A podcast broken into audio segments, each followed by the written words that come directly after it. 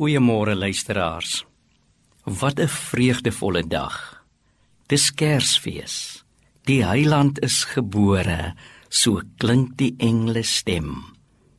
Kersdag bevestig ons het 'n Heiland wat heil bring. Ons het 'n Here wat regeer.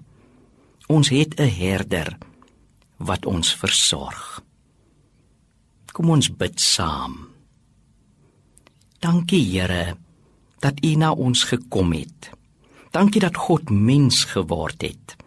Dankie dat Kersfees beteken ons kan voortaan leef met hemelse solidariteit. Die hemelse Here verstaan ons. Die hemelse Here weet. Die hemelse Here ken ons vreugde, ken ons stryd ken ons verlangens, ken ons strewes, ken ons neerlae, ken ons oorwinning, ken ons angste en vrees, ken ons verwagtinge, ken ons teleurstellinge, ken ons seer kry en swaar kry, ons stikkindheid en sukkel, ons sonde en stryd, ons skuld en skaamte, ons siekte en sterfte, ons lyding en leed, ons moegheid en moedeloosheid, ons honger en hooploosheid, ons duisternis en donkerte. Amen. Luisteraars, ek bring aan u seëngroete van die Here van Kersfees. Genade, barmhartigheid en vrede vir ons almal. Amen. Op hierdie Kersdag dink ons aan mense wat Kersfees sonder ouers, vaders en moeders moet vier. En ons onthou op hierdie besondere dag van saamwees, van verbondenheid, hierdie dag van familieskap, hierdie dag van vriendskap. Op hierdie dag onthou ons ons moeders en alle geliefdes. Derhalwe sing ons saam met die koor van die VGK Daniel Skuil die klassieke lied Moeder. Die soprano wat u so helder sal hoor in hierdie lied is die van Antie Eva de Koker, een van ons moeders, een van ons ouers wat vroeër vanjaar skielik gesterf het.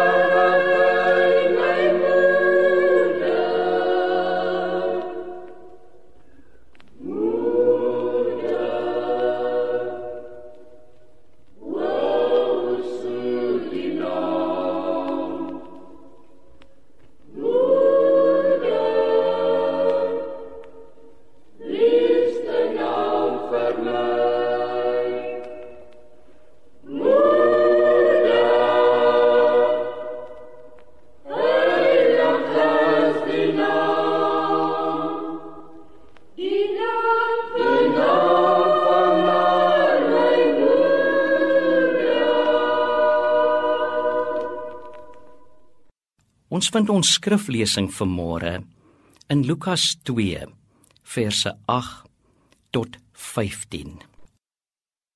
Voordat ons lees uit die woord van die Here, luister ons na die koor van die VGK Daniel skuil wat vir ons oproep tot getrouheid aan God se woord. Hulle sing die lied Hou vas aan die Bybel. O hou aan die Bybel tog vas. Wanneer jy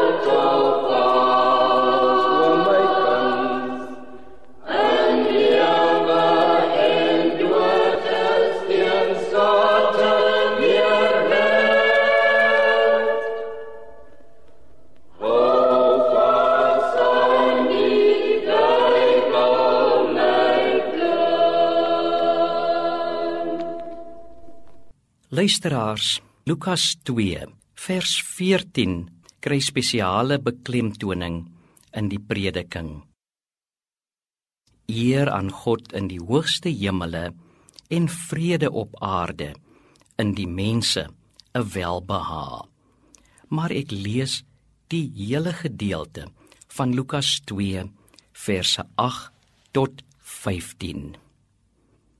Dit lui so: Daar was skaapwagters in daardie omgewing wat in die oop veld gebly en in die nag oor hulle skape wag gehou het. Met een staan daar 'n engel van die Here by hulle en die glans van die heerlikheid van die Here het rondom hulle geskyn. Hulle het baie groot geskrik.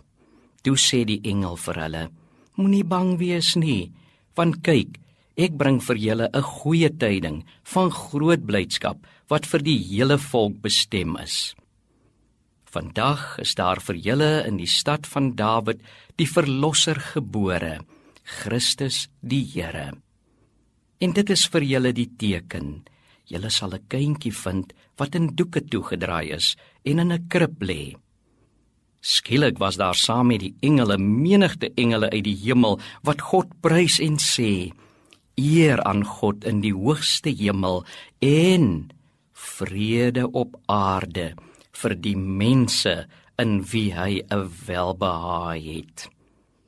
Nadat die engele van hulle af weggegaan het na die hemel toe, sê die skaapwagters vir mekaar: "Kom ons gaan reguit Bethlehem toe om te sien wat gebeur het, soos die Here dit aan ons bekend gemaak het.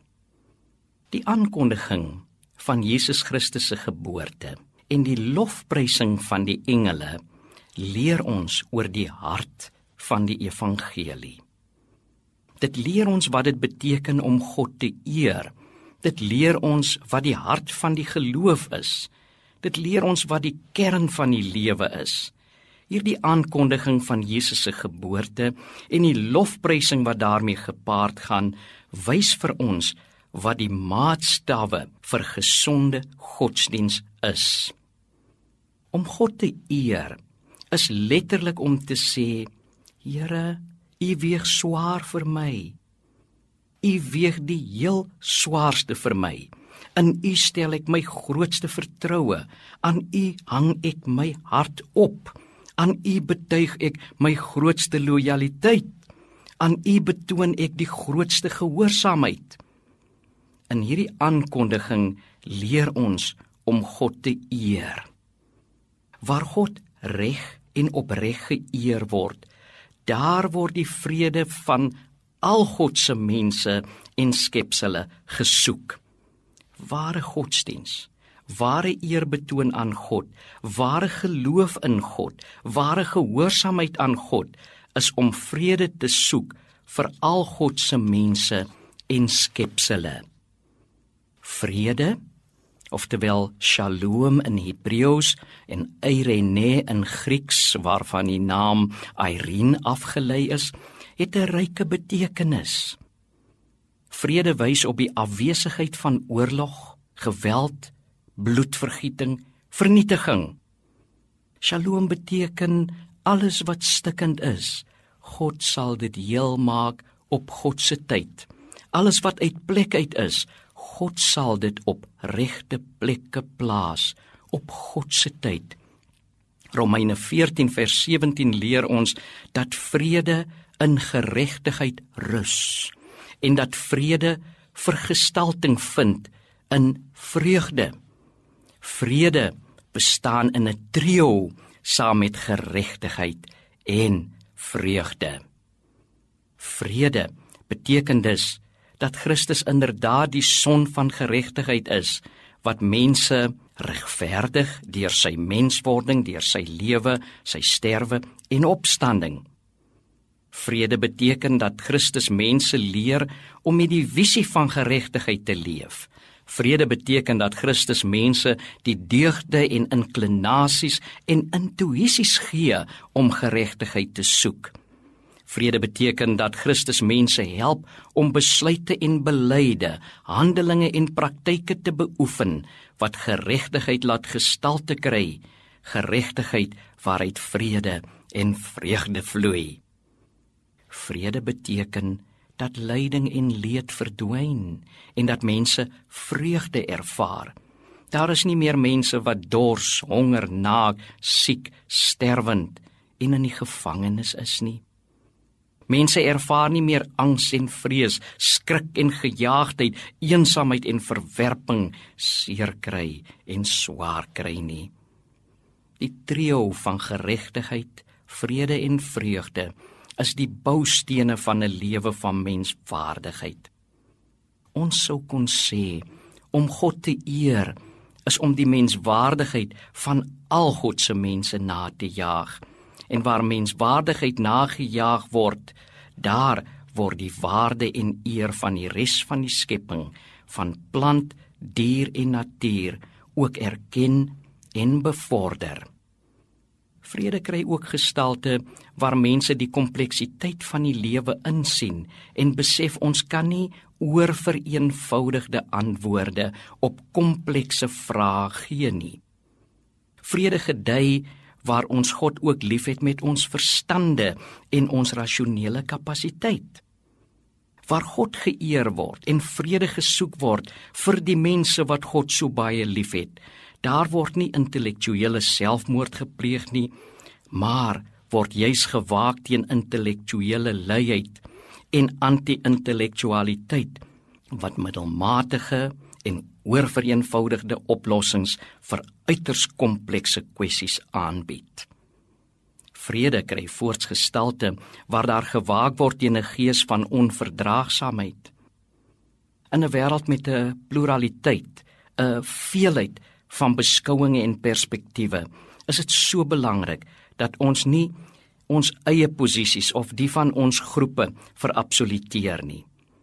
Die arrogansie en onverdraagsaamheid wat slegs jou siening as eg en reg aanvaar, lei tot die stereotipering en verdagmakery van die wat verskil, tot die stigmatisering van wie van my verskil, die demonisering van die ander. Dit wil sê die verklaring en verdoeming van die ander tot duiwel.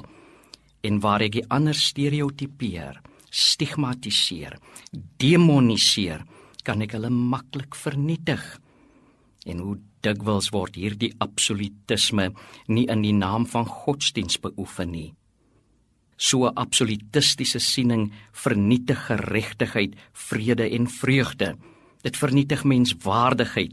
Dit tas God se eer aan. Die aankondiging van Jesus se geboorte leer ons oor ware godsdiens, ware geloof, ware gehoorsaamheid. Hierdie aankondiging gee vir ons kriteria waaraan ware geloof behoort te voldoen.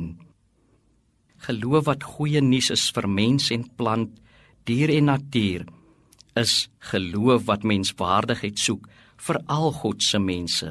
Dit wil sê geregtigheid, vrede en vreugde vir almal. Geloof wat gasvryheid in elke publieke instansie en die breë samelewing verdien is geloof wat die kompleksiteit van die lewe erken en erken en wat onder leiding van God se Gees op intellektuele wyse stoei met daardie vrae. Dit soek na eenvoud aan die ander kant van kompleksiteit. Eenvoud wat met kompleksiteit gestoei het.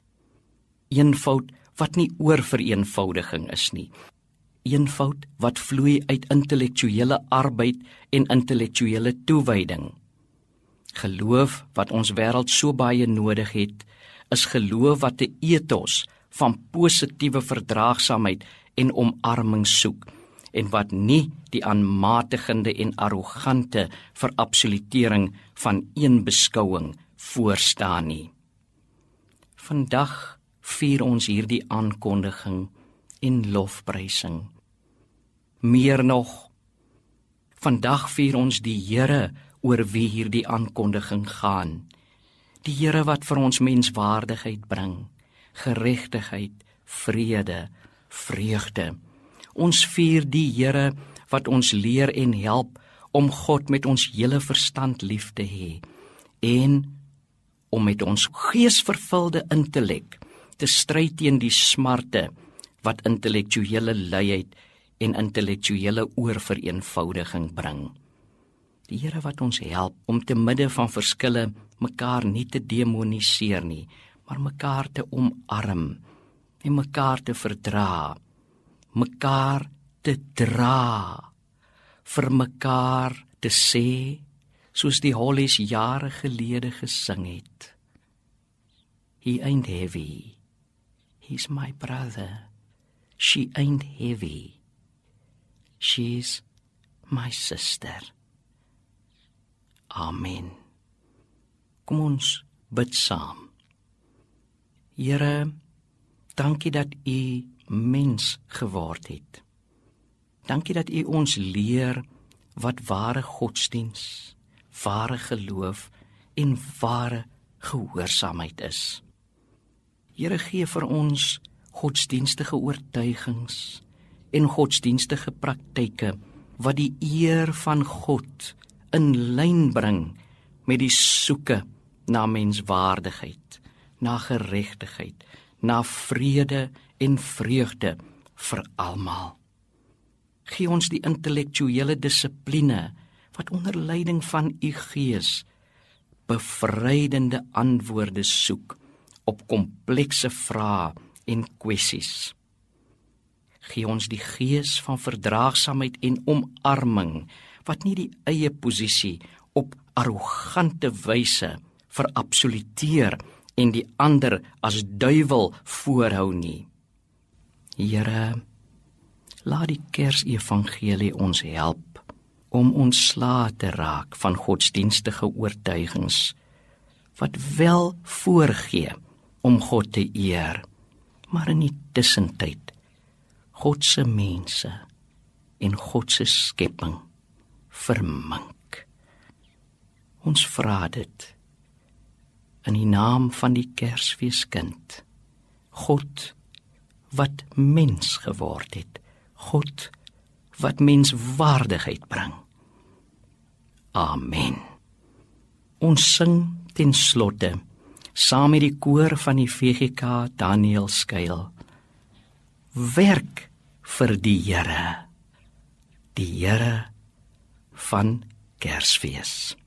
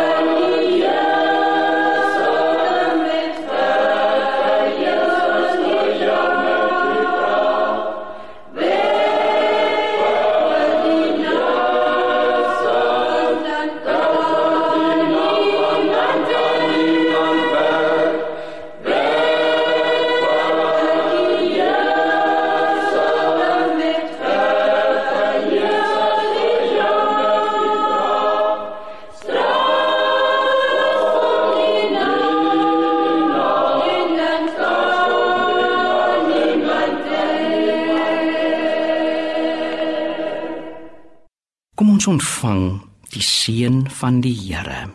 Die Here sal ons seën en ons beskerm.